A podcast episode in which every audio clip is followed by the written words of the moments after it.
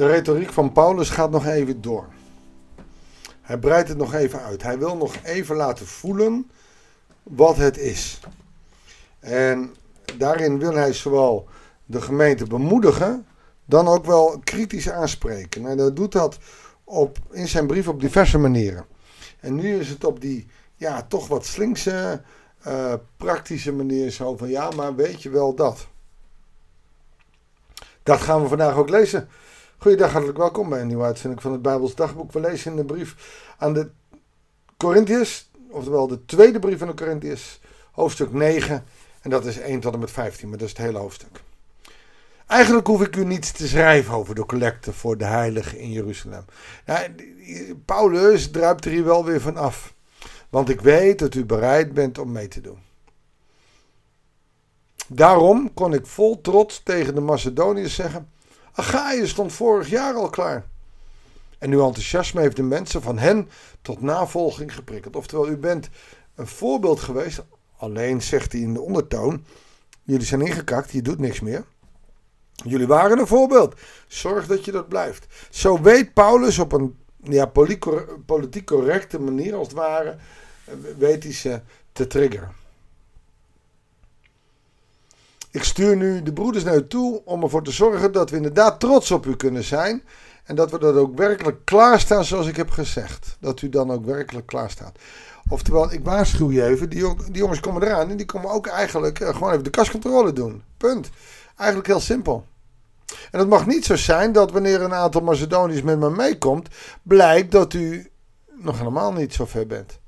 Ja, weet je, als je dat in een brief schrijft, dan push je een drukje de gemeente. Oh, we moeten, hij komt eraan, hij komt eraan. Die schande wil ik ons, beter gezegd u, in deze zaak besparen. Dus daarom vond ik het nodig de broeders te vragen vooruit te gaan. Zorg zij dat het goed komt. Paulus is dus van plan om weer langs te gaan. En dan ook wat Macedonisch mee te nemen om het enthousiasme, onder andere van Korinthe, uh, over te laten dragen aan hen. En dan niet alleen maar enthousiasme om te collecteren, maar ook het enthousiasme voor het evangelie.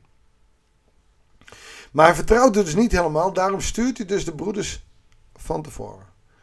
Dan kunnen ze de gift die u al heeft toegezegd nog voor mijn komst inzamelen, zodat deze niet hoeft te worden bijeengeschraapt wanneer ik aankom.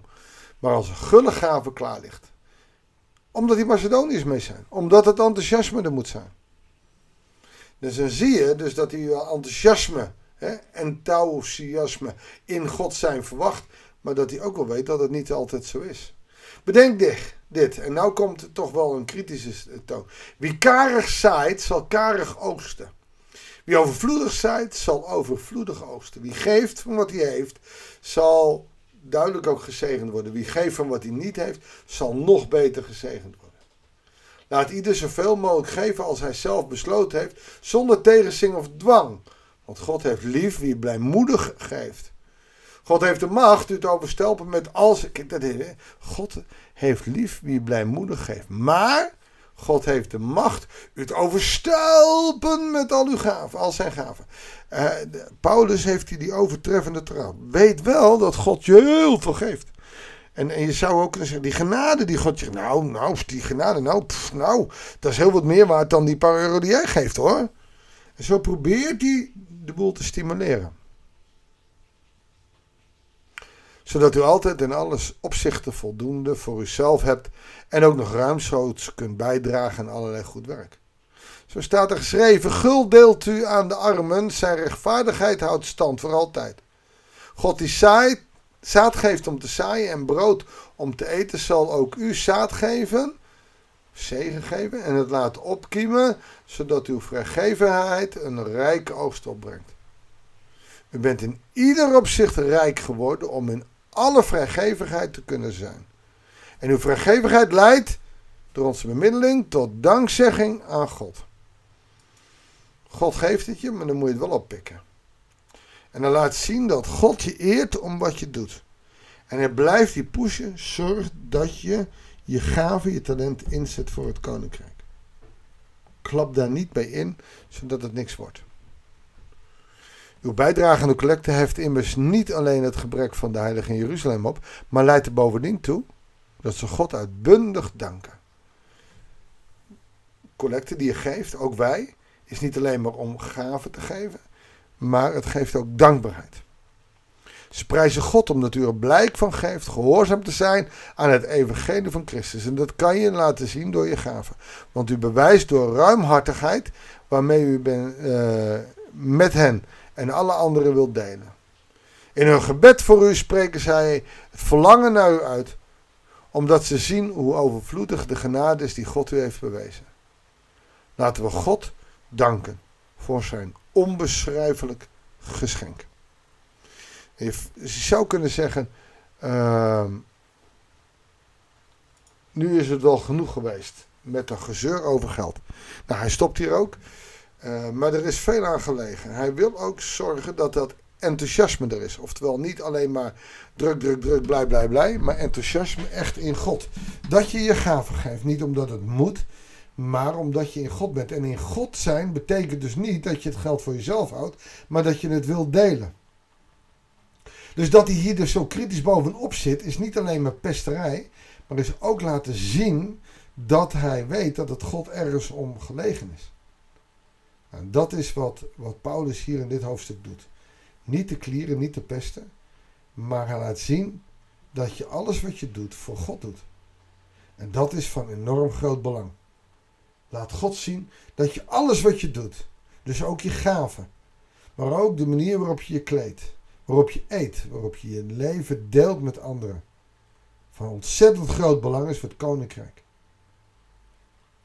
Als je zonder stroom in de kerk zit, maar door de week met je ellebogen werkt en een grote mond hebt. Wanneer je in de kerkraad zit en vindt dat het allemaal principieel moet, maar zelf doe je het niet. Je woorden moeten met je daden overeenkomen. Dat is ook het enthousiasme. Als je eenmaal in God bent, dan doe je dat niet alleen maar in woorden. Oh, wat ben ik vroom maar ook in daden. Hier ben ik en ik dien God met heel mijn leven. Een mooie opdracht. Twee hoofdstukken waar het over gaat, maar waarin wij ook wat kunnen leren. Laat alles wat je doet voor de Heer zijn en niet voor mensen. Mag ik voor je bidden? Heere God wil ons zo zegenen met uw Heilige Geest. Dat wij in u komen. Dat wij in u zijn. En dat wij daar zo blijven worden dat het ook op de menselijke manier een enthousiasme veroorzaakt, waardoor andere mensen ook weer enthousiast zijn. Leer ons zo in God te zijn, in u te zijn, tot eer en glorie van uw grote naam, tot rijkdom van ons eigen leven. Want hoe meer we in u zijn, hoe meer we ook gezegend zullen worden. Dank u wel voor wie u bent. We loven en prijzen uw grote naam, van nu aan tot in eeuwigheid. Voor vandaag en voor het weekend. Totdat we elkaar op de volgende podcast weer mogen ontmoeten. Dat bidden we u en we danken het u. In Jezus' naam. Amen. Dankjewel voor het luisteren. Ik wens je een goede dag, een goed weekend en heel graag tot de volgende uitzending van het Bijbelsdagboek.